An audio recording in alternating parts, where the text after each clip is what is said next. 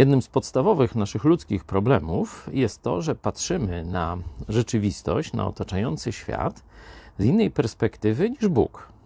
Mamy jakiś tam swój system oceny, co jest dobre, co złe, co jest wielkie, co małe, co znaczące, a co bez znaczenia, i tak oceniamy rzeczywistość.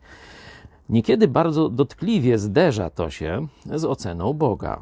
Taki przykład znajdujemy w Ewangelii Mateusza, 24 rozdział, gdzie to apostołowie zderzyli się ze ścianą. A gdy Jezus opuszczał świątynię, to była główna e, budowla, największa e, systemu, można powiedzieć, religijnego i państwowego Izraela. Stąd wszyscy Żydzi chlubili się nią.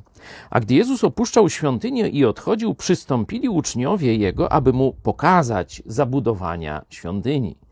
Potraktowali go jako takiego trochę gdzieś wieśniaka z daleka i stwierdzili, że pokażą mu, jak wspaniała jest ta zbudowana ręką ludzką, na rozkaz Boga oczywiście, ale jednak ludzka świątynia. A on, odpowiadając, rzekł do nich: Czy nie widzicie tego wszystkiego? Zaprawdę powiadam wam, nie pozostanie tutaj kamień na kamieniu, który by nie został rozwalony.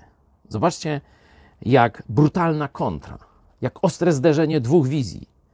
Oni zachwycają się tą ludzką budowlą, zachwycają się świątynią ręką zbudowaną. A to On jest prawdziwą świątynią.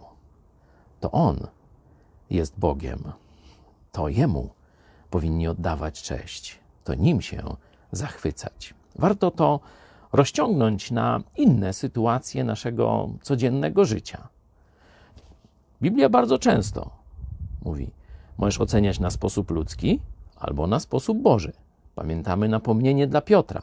Jezus wręcz mówi: Idź precz ode mnie, szatanie, bo myślisz po ludzku. Zobaczcie, że jest wielkim wyzwaniem myśleć po Bożemu. A skąd możesz wiedzieć, jak myśli Bóg? No ja wiem.